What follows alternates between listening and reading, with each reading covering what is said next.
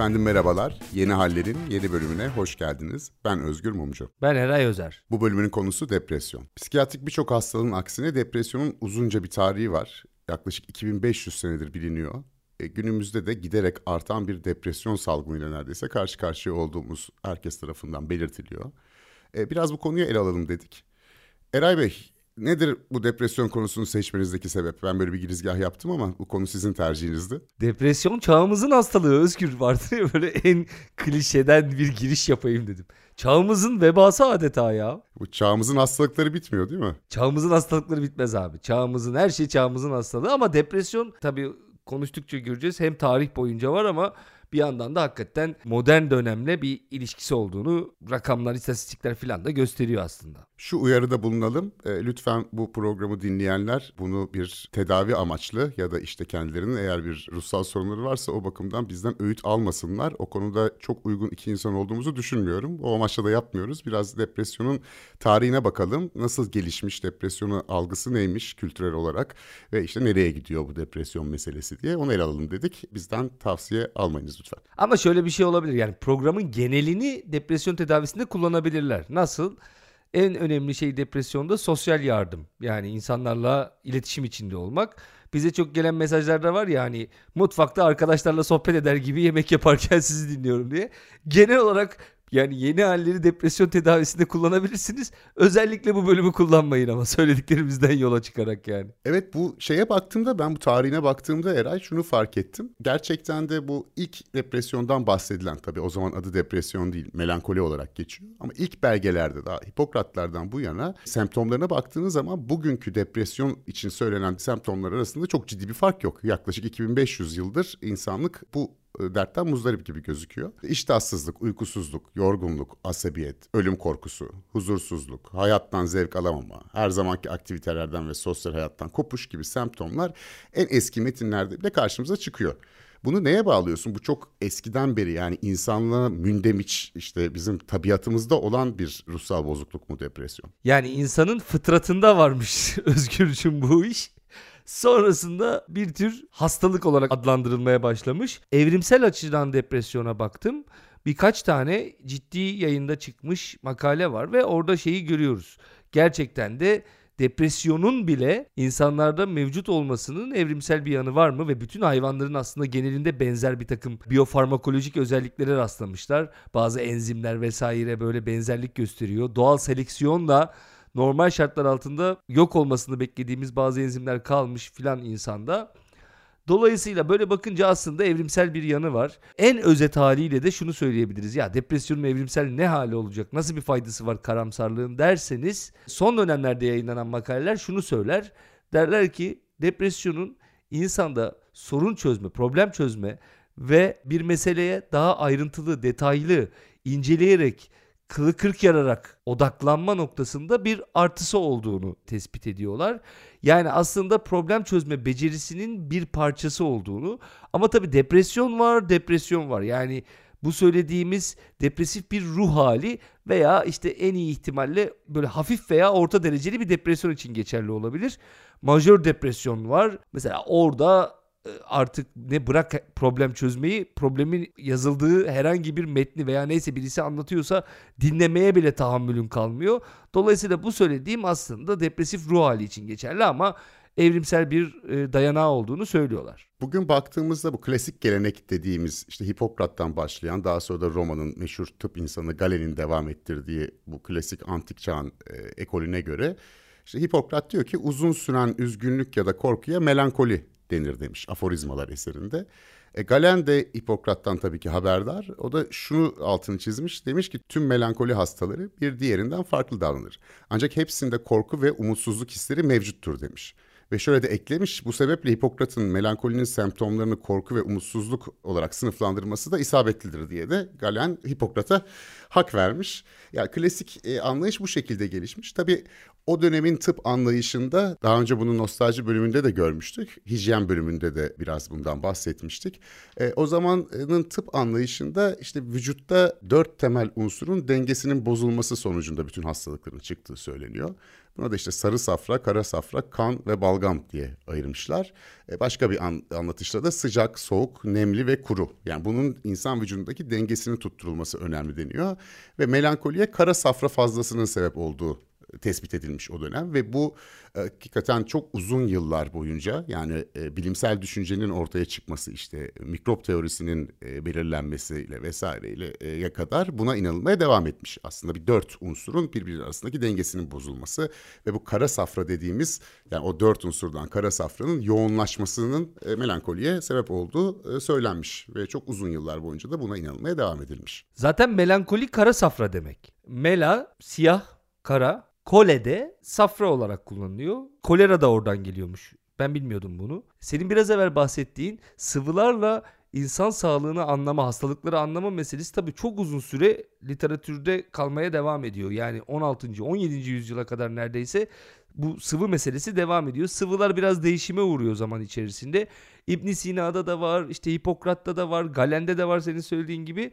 Aslında buna şey diyorlar, hılt diyorlar bu sıvılara Türkçe'de. Evet o antik Yunan'da ve işte antik Yunan ve Roma geleneğinde üç e, akıl hastalığına rastlıyoruz tespit edilmiş. Biri frenitis diyorlar. Bu ateşli bir delirium. Diğerine mania diyorlar. Bu ateşsiz bir delirium. Bir de melankoli var. Kara safranın fazlası. Böyle üç hastalık tespit etmişler. E bugün de bakınca e, gerçekten melankoli ya da bugünkü anlamıyla depresyonun da ana e, akıl hastalıklarından biri ve en çok teşhis konulan, en çok tedavisi gerektiren ve Dünya Sağlık Örgütü'ne göre işte en çok e, iş kaybına yol açan hastalık olarak karşımıza geliyor. Şöyle bir durumu fark ettim. E, bu Hipokrat'tan bu yana e, özellikle bağlamsallığı yani bu melankolinin kontekstinin önemli olduğunu altı hep çizilmiş. Aristoteles üzüntü ile patolojik hastalık farklı diyor. Yani melankolide kara safra o kadar soğuktur ki diyor temelsiz bir bunalım yaratır. Yani demek istiyor ki ölümden işte çeşitli talihsizliklerden, amaçlara ulaşamamaktan, işte bir sevgiliden ayrılamaktan vesaire gibi e, durumların yola açtığı üzüntü hali bir rahatsızlık değildir. Bunun temelleri vardır diye yaklaşılıyor. Hiçbir temeli olmayan korku ve üzüntüye melankoli ismi verilmiş. Bu da hep bir bağlam içinde değerlendirildiğini bunu geleneksel olarak onu gösteriyor bize. Hatta ilginç bir örneği var. İşte Suriye kralı Seleucus var. Bu e, Büyük İskender'in generallerinin soyundan geliyor. İşte Suriye tarafında ona bırakılmış Suriye tarafı. E, bunun da oğlu yemeden içmeden kesilmiş bir melankoli hastası olarak değerlendiriliyor. Antiochus. E, bu doktor çağrılıyor. İşte doktor geliyor Erasistratus. Diyor ki bakıyor bakıyor vallahi diyor ben anladım diyor. Bu diyor kara safra ile bilgisi yok. Temelsiz bir bunalım değil. E nedir diyor kral yani sorun ne diyor. Vallahi sen genç bir kadınla evlenmişsin e, üvey annesine aşık olmuş. Yemeden içmeden kesilmiş. Yapacak hiçbir şey yok diyor. E ne olacak bu oğlana diyor. Vallahi ölür böyle diyor. Adam da ne yapsın? Eşinden boşanıyor ve oğluyla evleniyor eşi. Yani böylelikle aslında melankoli olmadığını... Hanımını oğluna veriyor yani. Evet, evet. Seleucus e, doktorun tavsiyeleriyle artık burada Antiochus doktoru bağladı mı? Hani sen bununla bir konuş da babama artık ısrar etmesin mi dedi. Yoksa gerçekten tıbbi tespiti bu şekilde miydi Erasmus Stratus'un bilmiyorum ama e, her şeye de melankoli demiyorlar yani. Bu aşık olmuş ondan yemeden içmeden kesilmiş bu adam. Ondan melankolik e, diyebileceğimiz bir takım semptomlar gösteriyor diyerek her önüne gelene de melankoli ismi de vermiyorlarmış o dönemde. Tabii bu durum zaten daha sonra aradan geçen yıllar sonra Freud ve devamında Lacan tarafından da işte psikanalizde filan dile getiriliyor. Yani nesne diye tarif ettiği bir durum var. Nedir? İşte nesneyi en basit haliyle çocuğun annenin memesini nesneleştirmesi ve ona duyduğu arzu. Bu nesne her zaman somut bir nesne bizim bildiğimiz anlamda nesne olmak zorunda değil. Bazen kavramlar, duygular vesaireler de birer nesne haline gelebiliyor. Yas denilen durumda diyor Freud yani yas ve melankoliyi kıyasladığı bir ünlü bir metni var. Orada diyor ki yas denen durumda diyor neyi kaybettiğini yani nesnenin ne olduğuna dair bir fikri vardır. Ortada bir nesne vardır. Bu annen olabilir, ülkeni kaybetmek olabilir, işini kaybetmek olabilir ve bunun kaybına karşı tutulan bir yas vardır. Büyük bir acı vardır. Ama nesne bellidir. Melankolinin farkı diyor orada nesne yoktur. Yani neyi kaybettiğini bilmeden üzülür insan. Yani bir eksiklik hissediyorum ama eksikliğin neden kaynaklandığını bilmiyorum. Ne eksik hayatımda bilmiyorum. Sadece bu eksiklik hissiyle yaşıyorum durumuna da melankoli diyor daha sonrasında İşte Lacan geliştiriyor bu durumu falan. Aslında demek ki Aristoteles'ten beri 3 aşağı 5 yukarı bir sebepsiz üzüntü kaynağı olduğu belirlenmiş durumda. Bu melankoli zaman zaman çağımızın hastalığı oluyor. Rönesans zamanında genel olarak melankolinin yaygın olduğuna dair bir inanış var. Çeşitli dönemlerde de bu melankolinin arttığına dair işte edebiyatta ya da işte bazı gözlemcilerin o zaman yazdıklarını görüyoruz. Tabii gerçek anlamda bilimsel bir araştırma yapılamayacağı için bunun ne kadar doğru ne kadar yanlış olduğunu sadece işte o insanların sübjektif izlenimleri mi bunu bilmek güç ama dönemsel olarak melankolinin ya da işte bugün e, kullanıldığımız e, terimiyle depresyonun toplumlarda arttığı da bilinen bir durum ki 1621 senesinde Robert Burton İngiliz Melankolinin Anatomisi kitabını yazmış ve o dönemde ilgide görmüş bu kitap bir hayli. Demek ki ciddi bir toplumsal sağlık sorunuymuş. Orada da aynı gelenek devam etmiş 17. yüzyılın başlarında da. Yani bu bahsettiğimiz Hipokratik gelenek. Orada da diyor ki Burton korku ve üzüntünün eşlik ettiği ateşsiz bir bunamadır diyor. Bir çeşit bunamadır diyor. Ve şunu da eklemiş ama yani bu işin relatif bir tarafı olduğunu da kimi için pire ısırığı gibi olan bir şey bir başkasına dayanılmaz işkenceye dönüşebilir de demiş ki o herhalde bugün de bunun geçerli olduğunu söylüyoruz. Yani bu temelsizlik meselesinin üzerinde durulmaya devam edilmiş e, ta 17. yüzyılın ortalarına kadar. Bu arada o kitapla ilgili ben de şöyle ilginç bir şey not aldım. İki şey var aslında. Bir tanesi şu. Enteresan bir kitapmış o kitap Anatomy of Melancholy. Oxford'da bir akademisyen Burton ve Democritus Junior diye bir karakterin ağzından anlatıyor abi kitabı. Öyle yazmış. O da hayali bir filozof, bir Yunan filozofu ve onun ağzından anlatıyor. Bu ilginçmiş o kitaba dair bir detay bilgisi olarak. Bir de Sarı Kantoron'un ilk defa bu kitapta önerildiğini söylüyorlar. Depresyon tedavisinde. Sarı Kantoron yine başta uyarımızı tekrarlayarak bu söylediklerimiz sadece birer bilgi olarak kalsın ve doktora danışmadan hayatınıza geçirmeye kalkmayın bir tıp doktoruna. Sarı kantorunu bugün de depresyon tedavisinde kullanıyorlar. Evet o dönemki tedaviler de işte o antik Yunan Roma anlayışının sürdüğü zaman boyunca genel olarak temiz hava, egzersiz, işte uykunun arttırılması, beslenmeye dikkat edilmesi, bazı alışkanlıkların terk edilmesi, tutkuları dizginleme gibi hayat tarzı değişikliklerinin önerildiğini görüyoruz. Evet evet ilginç şeyler var. Antik döneme baktığımızda biraz daha rasyonel aslında. Tam da senin söylediğin gibi egzersiz yapın diyen var. Tedavi için bir takım karışımlar hazırlayan mesela Galen'in var bir karışımı. Teriyak dediği Rufus'la beraber hazırlamışlar. Bir takım bitkileri kaynatıyorlar falan.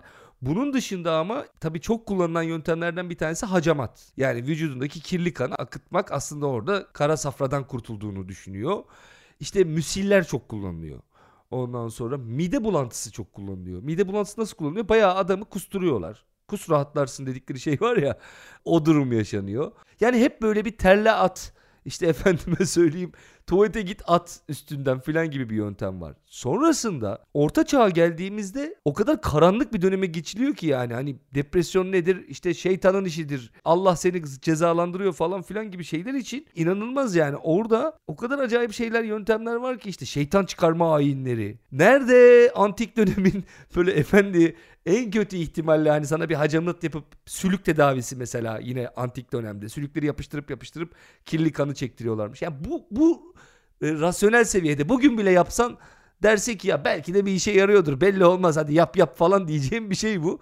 Abi arkadan geçiyor 500 yıl yani milattan sonra 5. yüzyıla kadar falan bu işler böyle adam akıllı devam ederken Aradan geçiyor 500 yıl. Geliyoruz orta çağa. Ta 15. 16. hatta 17. yüzyıla kadar deli saçması yok cadı avı gibi yakalayıp asan mı istersin depresifleri. Depresiflerin asıldığı olmuş tarihte. Yani öldürüldüğü, çarmıha gerildiği filan. Sebebi ne? İçine şeytan girmiş bunun diyorlar. Yani Tanrı diyor, insanı diyor depresif ruh haliyle, melankolik ruh haliyle cezalandırıyor diyor. Yoksa niye diyor adam melankolik, depresif olsun diyor. Ve bildiğin çok tuhaf tuhaf yöntemlerle insanları öldürüyorlar yani depresif diye. Daha sonradan bu orta çağın bu ne diyelim bu orta çağ anlayışı aşıldıktan sonra tabii bir günde aşılmıyor yani bir günde arkadaşlar biz skolastik yöntemi bıraktık diye bir başkanlık kararnamesi falan açıklanmıyor. Hani tedricen olan şeyler bunlar da. İşte Bacon ve Newton'ın işte bu ampirik gözleme dayanan daha tüme varımcı anlayışı Hipokrat geleneğinin dayandığı ilişkisel, sezgisel ve tümden gelince anlayışın yerini alıyor. Bilimsel e, artık metodun oturmaya başladığı bir dönem. E bu da doğal olarak bu sıvısal denge teorisini tamamen terk edilmesine yol açılıyor. Ve tıp beyin ve sinir sistemlerindeki arızaları temel alan bir sistem getirmeye başlıyor. Artık bunun üzerine incelemeye başlıyor. Ya daha mekanik e, incelemeye başlıyor. Yani beyinde mi bir şey var, sinir sisteminde mi bir şey var diyerek Daha mekanik bir yaklaşım var. Ve şunu görüyorlar. Bir nörotik depresyon var. Buna doktorlar bakıyor. Bir de melankolik depresyon olduğunu söylüyorlar. Bu derin zihni buhran işte bu umutsuz intihar düşüncesi vesaire. Buna da hatırlar mısın nostalji bölümünde bakmıştık. Alienistler bakıyor buna da. Alienist dedikleri işte bir anlamda ruhsal terapi veren kişiler diyelim. Böyle ikili bir ayrım yapmışlar. Ve şey diyorlar o dönemde yani bu ikisi tüberkülozla kaba kulak gibi birbirinden çok farklıdır diye bir anlayış ortaya çıkıyor ve ikiye ayrılıyor depresyon işte melankoli tespiti. Bir tanesinin nörotik olduğunu öbürünün melankolik depresyon diye ikiye ayrıldığı söylenmeye başlıyor.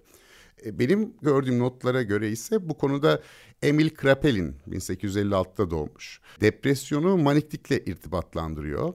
Şizofreniden sebep, teşhis vesaire konularında tamamen farklılaştırıyor.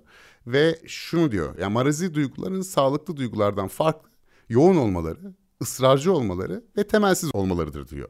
E böylelikle yine de Hipokrat'tan gelen bu temelsizlik e, meselesine devam ediyoruz. Şunu da diyor fakat bazen dış faktörler yol açsa da faktör ortadan kalkınca bağımsız bir karakter edinerek devam edebilir diyor melankoli. Yani sizde onu tetikleyen mesele ortadan kalksa dahi işte orada travmatik bir şey devreye giriyor anladığım kadarıyla.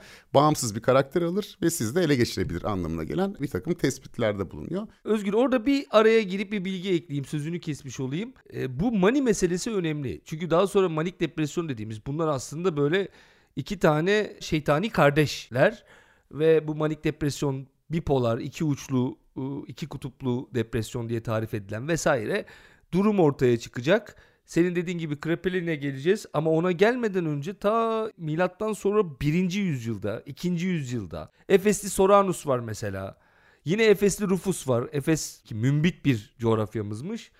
Oralarda bu mani ve depresyon ilişkisine dair bir yorumlama düzeyinde oluyor. Yani net bir şekilde şunu söylemiyorlar. Kardeşim depresyonun diğer ucu da manidir filan gibi bir şey söylemiyorlar ama bunların arasında bir ilişki kurulmaya başlanıyor. Esas 5. ve 4. yüzyıllara geldiğimizde Kapadokyalı Aretus var. Mesela o şey açısından önemli. Bir, mani ile ilişkisine dikkat çekiyor depresyonun. İki, döngüsel bir doğası olduğunu söylüyor. Bu çok önemli. Çünkü hani modern psikiyatride, psikolojide artık bu en önemli özelliklerinden bir tanesi. Nedir? Bir mani episoduna giriyorsunuz bunu bir depresif episod takip ediyor. Mani ile depresyon arasında salınıp duruyorsunuz. Bir süper iyisiniz. Bu arada böyle hani insanlara şunu da söylemek lazım. Ne mani ne depresyon bugün kendimi çok aktif hissediyorum ya da bugün kendimi çok pasif depresif hissediyorum gibi bir şey değil. Mani evresinde rasyoneliteyle olan bağınız bile kopuyor. Akla hayale gelmeyecek. Evde penguen beslemek istiyorum filan gibi böyle bir takım isteklerde bulunmaya başlıyorsunuz filan. Yani bu böyle hani oyuncak gibi böyle hafif seviyede insanda olduğunda tatlış bir şey falan öyle bir şey değil. Bu gayet insan hayatını mahveden, yerden yere vuran bir durum. Ve dediğim gibi Kapadokyalı Aretus, arkasından da Tralesli Alexander, o da önemli bir isim. Bu ikisi mani ve depresyon ilişkisi üzerinde durarak aslında kendisinden bin yıl sonra neredeyse başlayacak bir sürecin ilk fikir tohumlarını atmaya başlıyorlar. E bu da zaten 20. yüzyıl başında işte ciddi semptom gösteren melankoli, psikoz ve nörotik depresyon olarak ikiye ayrılıyor e, bildiğim kadarıyla. Yani o ikili ayrımın ilk başlarda da o antik Yunan'da bile e, şeyleri var. Bir takım öncülleri var. Bir tanesi şu da gördüm yani üçe ayırmıştı ya antik Yunan bu e, akıl hastalıklarını. Bu Amerikan Psikiyatlar Birliği'nin bir manueli var işte bu akıl hastalıklarına ilişkin oradaki teşhis yöntemlerini falan gösterdiği. Bunun ilki 1952'de e, yayınlanıyor, ikincisi 1968'de.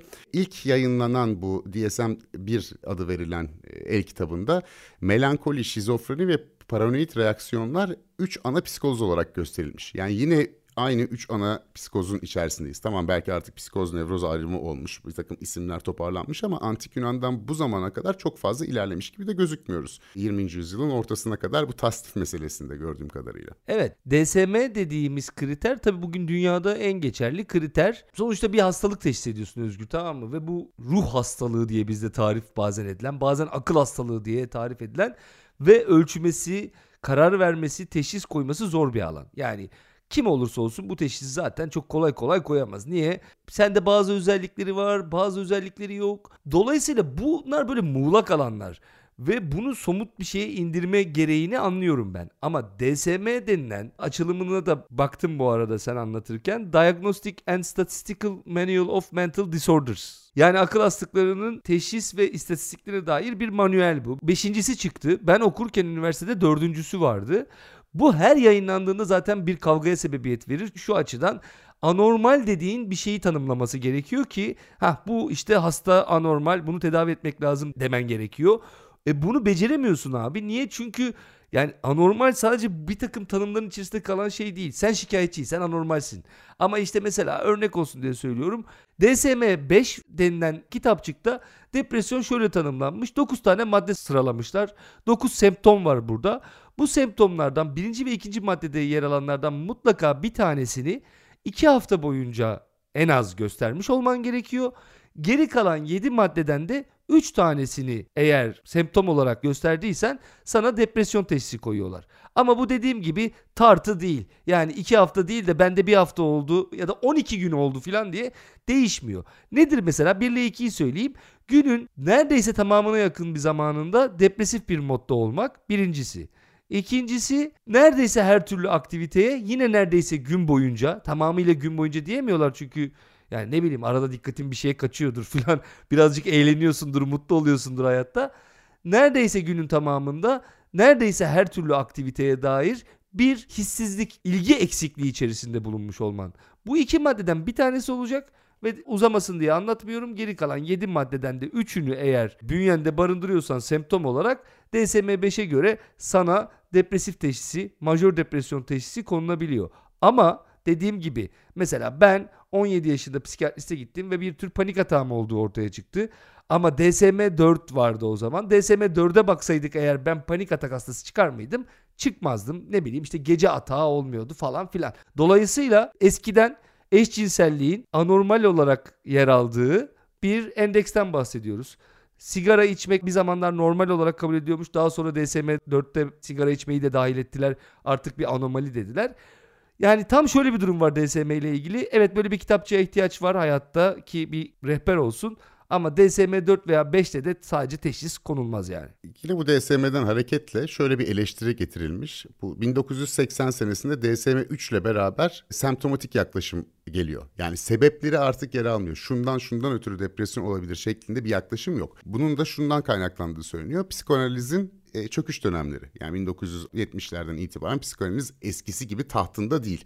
Onun yerine e, daha mekanik ve e, beyin kimyası üzerine bir takım yaklaşımlar var. Bu çok geleneksel. 2500 yıllık gelen bağlamsal gelenekten bir kopuş burada söz konusu. İşte burada iki hafta süresince bazı semptomların bir araya gelmesi bu teşhisin konulması için yeterli olduğu söylenmiş. Şu sadece istisna olarak konmuş. Ölüm nedeniyle birini kaybetmekten iki ay sonra hala devam ediyorsa demişler. Şey aklıma geldi. Yani Nazım Hikmet'in e, şiiri vardır ya en fazla bir yıl sürer 20. asırlarda ölüm acısı diyor. 1980'de Amerikan Psikiyatrlar Birliği bunu iki ayda sabitlemiş gibi gözüküyor. Buradaki eleştiriler şu. Bir defa daha önce bir ay diyordunuz şimdi iki hafta yetiyor semptomlara. Semptom sayısını daha fazla olması gerekirken onu azalttınız. Ve diyorlar ki depresyonu tek kategoriye indirdi bu DSM-3 sonra devamındaki 4 ve 5'te. Yani unipolar depresyonla eskiden melankoli denen depresyonla psikoneurotik formlarını daha hafif olan formlarını birleştirdi. Böylelikle melankolik depresyon majör depresyonun bir alt tipi haline geldi ve bağlamsal gelenekten koptuk. Yani bu niye oldu kardeşim bu hastalık demiyorsun. İşte beyninde bir kimyalar bozulmuştur onu da bir şekilde hallederiz gibi bir yaklaşıma yol açmış olduğu için eleştirenler var. E, avantajları da olmuş. O da nedir? E, bütün dünyadaki depresyon tedavisine ilişkin iletişimi arttırıyor tabii. Herkesin elinde benzer bir e, şey olduğu için, e, bir rehber olduğu için kıyaslanabiliyorlar ve bunun bazı ilerlemeleri de yol açtığı söyleniyor. Ancak melankolik depresyonla işte psikoneurotik depresyon farkını ortadan kaldırması, çok heterojen kriterleri ortaya koyması, rahatsızlığı olmayan bazı insanlara da depresyon teşhisi konulduğu şeklinde bazı eleştiriler var.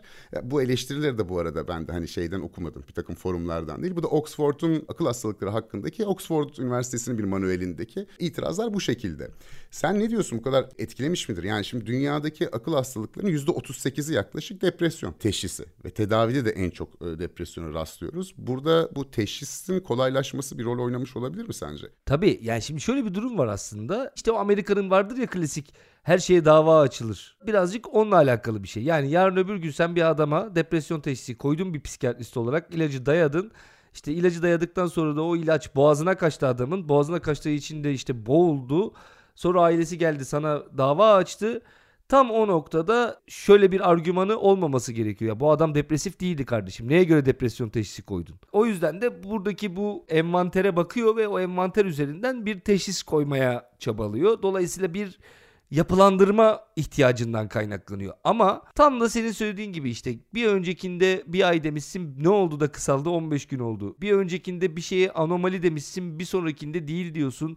Yani hem buna bias dedikleri yani hem kültürel olarak böyle yani bazı kültürleri dışında bırakan bir metin olduğu söylenir.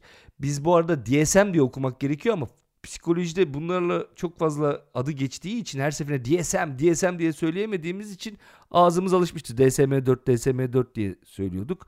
Doğrusu senin ilk söylediğin ben seni sonra bozdum.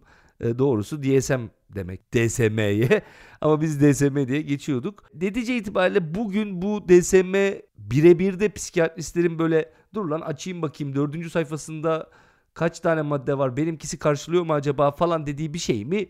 Değil abi. Yani böyle kullanılmıyor. Somut pratikteki durum bu değil ama elinde bir guide olmasında da fayda var. Bir şey olduğunda dönüp bakarsın aradaki maddeler de senin aklında ha bunlar da olabilir filan diye bir yol açar. Ama metin tamamıyla tartışmalı zaten. Hep öyle ola geldi yani. Evet yani burada olağan üzüntünün kitlesel olarak patolojikleşmesine yol açtığı konusunda da eleştiriler var. Bir de şunu da söylemek lazım. DSM-5'te ya da DSM-5'te ölüm acısı istisnası da kaldırılmış. Demek ki 21. yüzyıla geldiğimizde de ölüm acısı artık yani hiç kayda değer bir şey olarak bile yer almıyor. Aslında yasla melankoli arasındaki bir ayrım bu mesela ölüm acısı ve bunun arkasından üzülmek filan. Hatta doktorlar da psikiyatriste gitseniz mesela çok ağır bir kayıptan sonra hemen ilaç yazmaktan imtina ederler. Niye? Çünkü sen zaten yas aşamasındasın ve dolayısıyla o esnada acı çekmen, kendini kötü hissetmen, üzgün olman, modunun düşük olması falan bunlar zaten olması gereken ve aynı zamanda da sağaltıcı şeyler. Yani bir tramvayla başa çıkmaya çalışıyorsun. Dolayısıyla böyle olacak tabii ki. Mesele bunun daha sonra depresyona varıp varmaması birincisi. İki zaten depresyon diye tarif ettiğimiz alanın kendisi yine Freud'u başta söylediğim şeye dönecek olursak Zaten o alanın kendisi diyor Freud bir kayıp olmadan üzülme. Bir şeyin yokluğunu çekeceksin. Bir yokluk hissi çekeceksin. Ama neyin yokluğunu hissini çektiğini bilmediğinde bu melankoli oluyor. Ve depresyon diye tarif ettiğimiz melankoliye doğru ilerliyor. Diğer türlü zaten annen, baban, eşin, çoluğun, çocuğun birisi kaybettiysen hayatta e zaten üzülmezsen seni alıp doktora götürmeleri lazım. Hayırdır? Niye üzülmüyorsun diye. Evet yani Freud da bu yas ve melankoli eserinde normal yas tutan birine tıbbi müdahale doğal sürece müdahale ederek kişiye zarar verebilir diye de bir not düşmüş. Gerçekten de bu yasın da sağlıklı bir şekilde bir süreç olarak yaşanması gerekiyor gerçekten anladığım kadarıyla. Evet tabii Freud okuması çok zevkli psikoloji pratiğinde çok fazla uygulanmayan e, bir alan psikanaliz. Yani tabii böyle genellemeyelim artık yeni yeni versiyonları var onun da ama mesela örneğin bizim okulda doğru düzgün Freud anlatan bir insan yoktu. Biz bunun eksikliğini çektik. Yani keşke bir psikanaliz ekolü anlatan olsaydı. Dolayısıyla dönüp okumakta fayda olan bir insan Freud ve psikanalitik ekol diyelim ona. Ee, orada şöyle bir şey var. Yani çok okumak lazım. Bu yas ve melankoli çok fikir açıcı, zihin açıcı bir metin ama onun dışında ne bileyim süper egonun bir meselesi aslında bu. Yani depresyon diyor süper egonun dayattıklarını artık egonun taşıyamaz olmasıdır. Çok kabaca tarif ediyorum bunları. Ne bileyim işte orada yutmak ve tükürmek arasında mesela bir ikilemden, bir ikilikten bahseder. Yutmak nesneyi kendine almak, hazzı tatmin etmek işte hep anne memesi. Tükürmek hoşlanmadığın bir tadı dışarı atmak. Mesela oral dönemin yine depresyonla ilişkisi olduğu söylenir. Oral dönem fiksasyonları denilen fiksasyonların. Ama çok teknik ve uzun mesele olduğu için en az dediğim gibi bir programda sadece bu kısmı açıklayabileceğimiz için kabaca geçmek istiyorum. Yani isteyenler merak edip mesela Yas ve Melankoli metninden başlayarak okuyabilirler. Ya bu söylediğin psikoterapinin 1960'lardan e, 70'lerde beraber biraz gücünü yitirmesiyle birlikte biraz eski anlayışa geri dönülüyor gibi geldi bana. Çünkü eski anlayış işte sıvılar arasındaki dengeden bahsediyordu. E, bugün hakim olan anlayışta beyindeki kimyasal dengelerden ya da dengesizliklerden bahsediyor. Şimdi bir örnek okudum. Sanırım bu dönüşümü yani daha bu antidepresanların gelmesiyle beraber psikanalizden ziyade bu işin daha mekanik, daha fiziksel ya da kimyasal müdahalelerle tedavi edilmesini başlangıcını güzel anlatan bir hikaye var. Başarılı bir doktor var Amerika Birleşik Devletleri'nde. Rafael Oserov adı.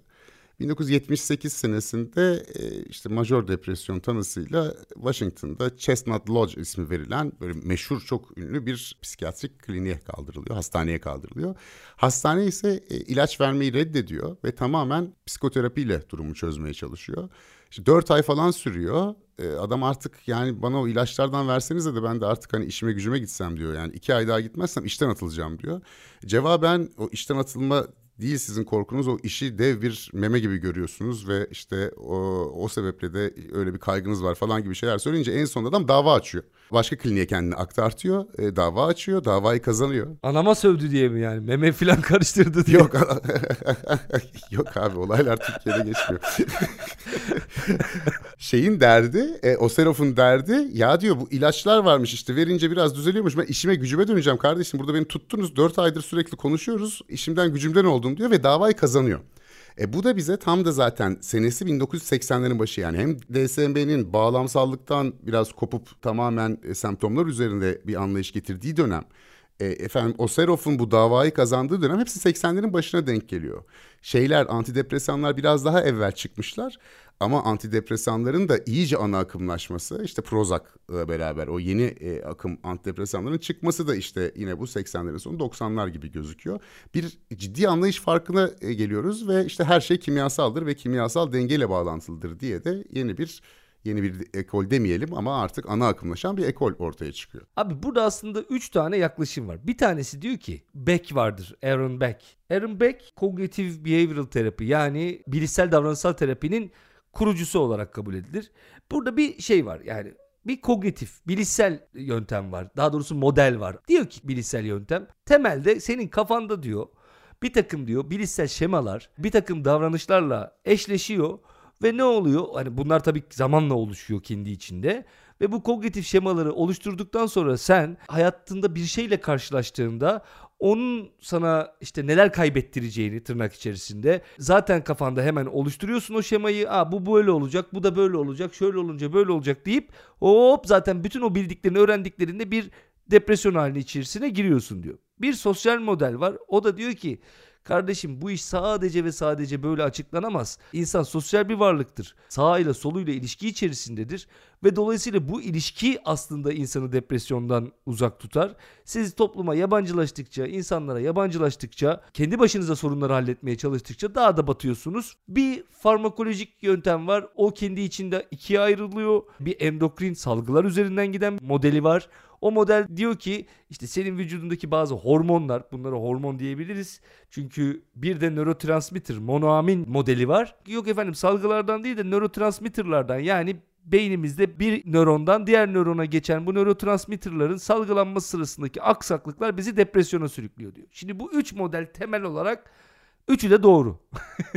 yani hani Evet bunların hepsi oluyor. Yani dönsem Freud da bazı yerlerde haklı. Hani var ya işte bence sen de haklısın diye. Yani durum bu.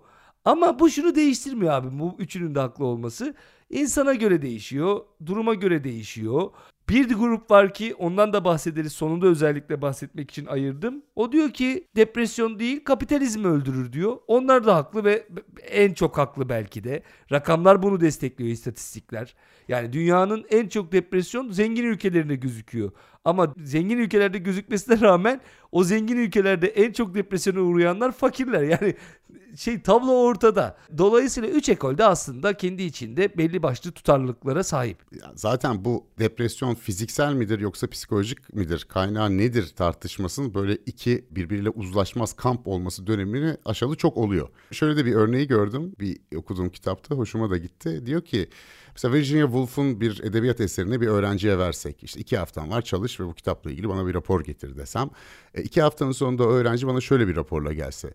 Bu kitap mürekkep ve kağıtla basılmıştır. Demek ki karbon bazlıdır. İçinde organik ve inorganik bazı unsurlar bulundurmaktadır dese teknik olarak tamamen doğru bir cevap olur. Ancak bazı şeyler eksik kalmış olur diyor. Yani sadece kimyasalla izah etmenin, kimyasal dengelerle izah etmenin yetersiz kalacağını söylerken ama bunların da çok önemli veriler olduğunu, bize çok şey anlattığını ve e, burada bir tedavi yönteminin de gerçekten olabileceğini de söylüyorlar. Ve şunu da diyorlar hani Tamam Freud psikanalizin kurucusu e, ancak Freud da bir takım e, şeylerle uyuşturucularla ya da ilaçlarla arası iyi olan biri. Çok büyük ihtimalle bu tip ilaç denemelerine Freud'un da sıcak bakacağı şeklinde de bir bugünden yapılmış bir tespit var. Ne kadar doğru ne kadar yanlış bilemem tabii. Harvard'dan Irvin Kirsch diye bir araştırmacı 2008 yılında özgür bir araştırma yapıyor. Araştırmanın güzelliği şurada FDA'ya yani Amerika'da ilaçları onaylayan kuruluşa yapılan bir başvuruyla bu data elde ediliyor 2008 yılında ve bütün depresyon ilaçlarının test aşamasında vesairedeki datalarını kıyaslıyor. Ve ortaya şöyle bir sonuç çıkıyor.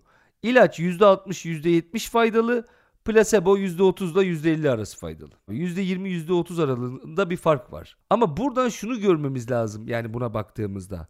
Hangi hastada mesela ben ilaç da kullanmış bir insan olarak söylüyorum panik atağımdan dolayı. Bazı durumlar var. Yani o kadar sert bir durumda ki hasta. Orada şey tartışmasını hiçbir psikiyatrist yapmaz zaten. Ya ilaçla mı tedavi etmeli yoksa terapiyle falan. Acil hani yandım Allah diye öldürecek kendini öldürecek adam. Yani böyle bir durumu var. Veya bir kadın hasta. Kadınlarda daha yaygın bir hastalık bu arada majör depresyon. Ortalama bir majör depresif 32,5 yaşında bir kadın özgür. Çok düşüyor bu arada tedavi yaşı. 5'e kadar düşmüş vaziyette. 5 yaşında çocuğu depresyonla tedavi etme noktasına varmış durumda iş. 11 yaştan aşağısında genelde daha az gözüken bir hastalık depresyon. Ergenlerde çok artmış vaziyette. Ergenlik döneminin sen biraz evvel bir istatistik paylaştın. Evet ergenlik döneminin en kritik sağlık sorunlarından bir tanesi. Çok enteresan. 19-45 yaş arası için sadece akıl hastalıkları içerisindeki en büyük dert değil. Dünyadaki en büyük dert. Yani depresyon. Yani hastalık olarak tanımlayabileceğimiz en büyük hastalık 19-45 yaş aralığı için depresyon. %10.7 ile tek kutuplu majör depresyon 19-45 yaş arasının en büyük sağlık problemi. Bu rakam 2020'de %15'e çıkacakmış abi. En verimli yaş grubu bu arada. 19-45 yaş arası bir toplumun en üretken insanların yaşadığı yaş aralığı. Ve çok belli ki yani burası depresyonda sakatlanmış vaziyette. Depresyonun fiziksel kaynaklı mı olduğu, psikolojik kaynaklı mı olduğu tartışmasındaki indirgemecilikler biraz ortadan kalkmışa benziyor. Şu anda çeşitli şekillerde yaklaşılabiliyor. E, ve bütün bunların bir arada zaten durumun ağırlığına ya da filmine göre olması gerekiyor anladığım kadarıyla.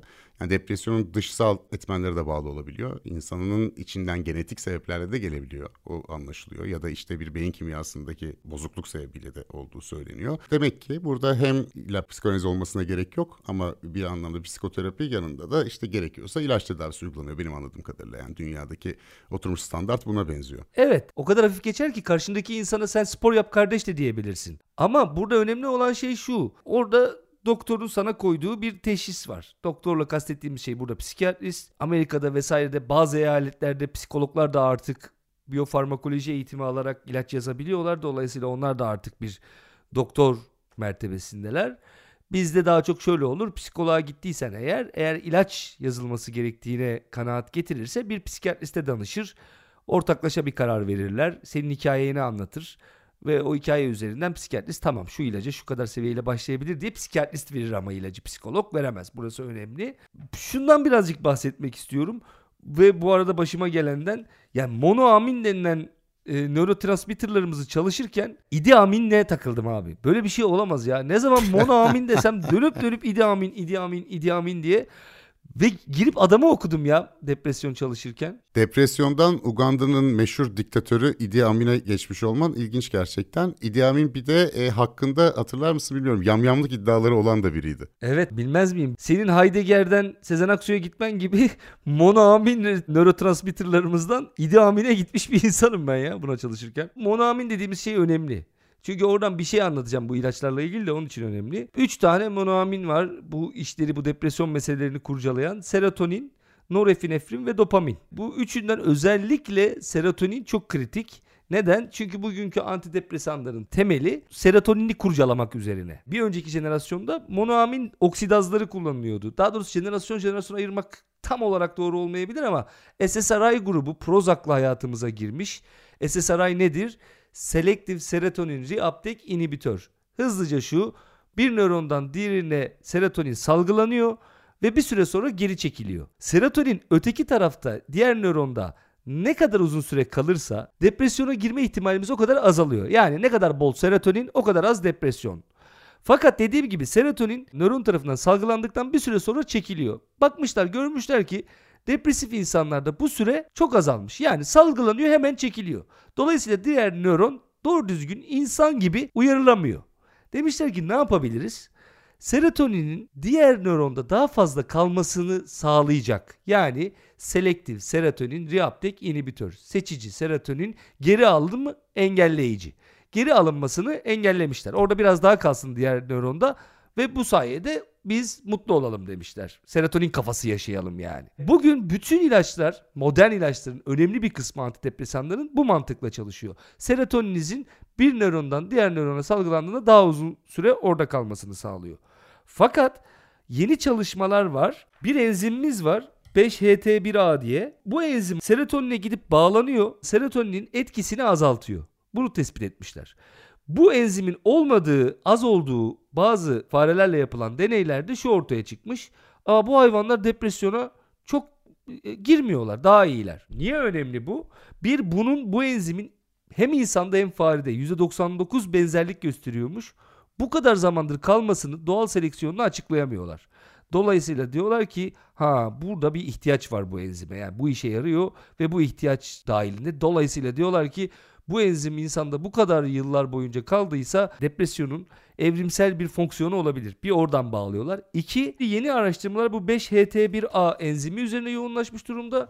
Bundan sonraki jenerasyon ilaçlar direkt serotonine değil bu enzime etki edecek. Dolayısıyla e, daha az yan etkisi olacağı düşünülüyor. Serotonini çünkü çok fazla salgılamanın bazı yan etkileri var. Mesela antidepresanın dozunu kaçırırsan böyle nihilizmin kralı olarak gezebilirsin böyle aman ne çalışacağım dersime ya falan diye.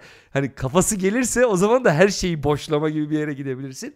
Onların falan önüne geçecek eğer bu enzimle bir ilaç üretebilirlerse diye bir durum var ortada. Öte yandan şu tarafı da var benim gördüğüm kadarıyla okuduklarımdan anladığım işte bu depresyon teşhisinin çoğalması ve ilaç tedavisinin biraz kolaycılığa kaçma gibi çok fazla neredeyse otomatik yazılmaya başlandı. Özellikle Batı devletlerinde böyle bir eleştiri de var onu da söyleyelim ama ilaçlara tamamen karşı olmanın da bir manası yok. Her şeye ilaç vermenin de bir manası yok. Bu sanırım tıbbın her alanında bu geçerli zaten. E, Dünya Sağlık Örgütü'nün 2017 rakamlarına göre abi 264 milyon depresif varmış. Bu sayının bugün 350 milyona yaklaştığı düşünülüyor.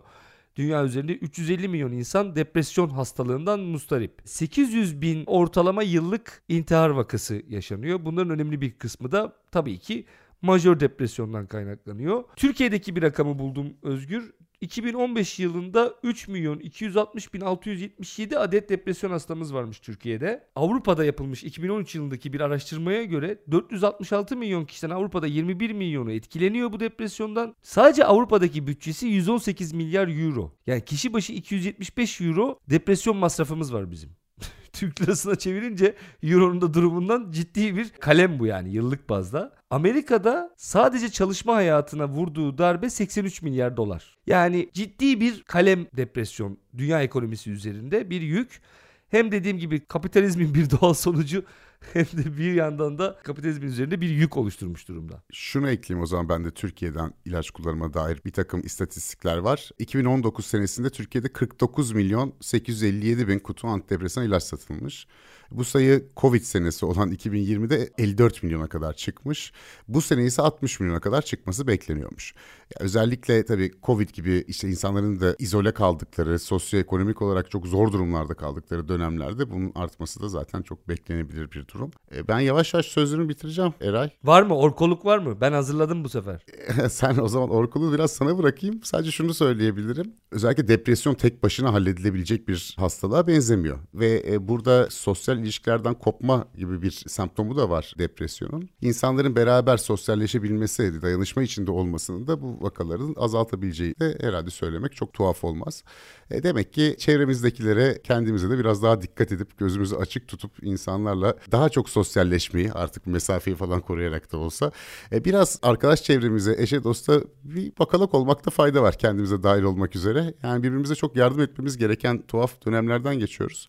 O sebeple en azından her zamankinden daha yardımsever, daha danışmacı insanlar olup işte diğerlerini daha özenle gözlemlememizde fayda var gibi geliyor bana diyerek esen kalın diyorum efendim. Efendim ben de şunu söyleyeyim bu konuyla ilgili. Zaten bir konu olarak, konu başlığı olarak en sona ayırmıştım. O da birkaç kere değindiğim bu kapitalizmle olan ilişkisi üzerine. Pek tabii ki şöyle somut bir durum var. Yani depresyon son 200 yılın hastalığı değil. Depresif ruh hali tarih boyunca olmuş. Aristoteles demiş ki bu yaratıcı insanlarda olur yahu demiş. Satürnistler var. Marsilio Ficino. O da diyor yaratıcılıktır diyor depresyon diyor. Dolayısıyla insanlık tarihi boyunca bu ola gelmiş. Ama ve lakin tabii ki kapitalizmin çok dayanılmaz bir baskısı var insan üzerinde. Ve bu baskının böyle sonuçlar doğurması çok normal. Çünkü nedir? En başta söylediğimiz şey bir yoksunluk hali, sebebini bilmediğimiz bir yoksunluk hali depresyon. Yani ortada bir şeyden yoksunluk hissi var ama o şeyin ne olduğunu bilmiyoruz. En temelde söyledik. Süper ego sürekli olarak senden bir şey talep ediyor. Şöyle davran, şu ol, bu ol, şöyle olmalısın, şöyle bir insan gibi ol. Bak toplum içinde rezillik çıkarma filan. Bunu ego karşılayamıyor. En basit haliyle böyle tarif edersek modern dönemin niye aslında bu kadar depresyona mümbit koşullar sağladığında görmüş olacağız. Nasıl olacağız? Kendini gerçekleştir. Kendinin girişimcisi ol. Daha mükemmel bir kendini yaratmak için kendinle baş başa kal falan. Yani şimdi bir, bir bireye doğru bu dayatmanın zaten başka bir yere gidesi yok ki. Yani ne olur sen insana sürekli olarak şöyle ol, böyle ol, şunu giy.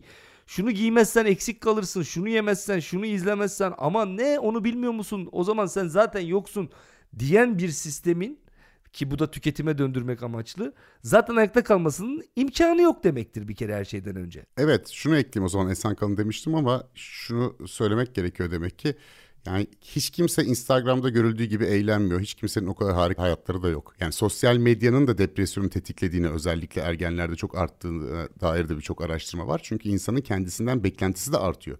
Ve herkes öyleymiş gibi zannedip geride kalma hissine de anladığım kadarıyla kapılıyor. Evet Erdoğan Özmen var onunla bitireceğim onun için söyledim. Yani toplumun sürekli olarak birey olmalısın, kendin olmalısın, rakiplerini yenmelisin. Beraber iş yapmak, örgütlenmek haşa tam tersi onların hepsi rakip onları aşağı indirmelisin dediği bir düzen içerisinde bir insanın depresyonu aşması mümkün değil arkadaşlar. Net yani. Yani bizi bekleyen şey depresyon olacaktır. Çünkü sana durmadan neyinin eksik olduğunu söylüyor. Bu benim için de geçerli.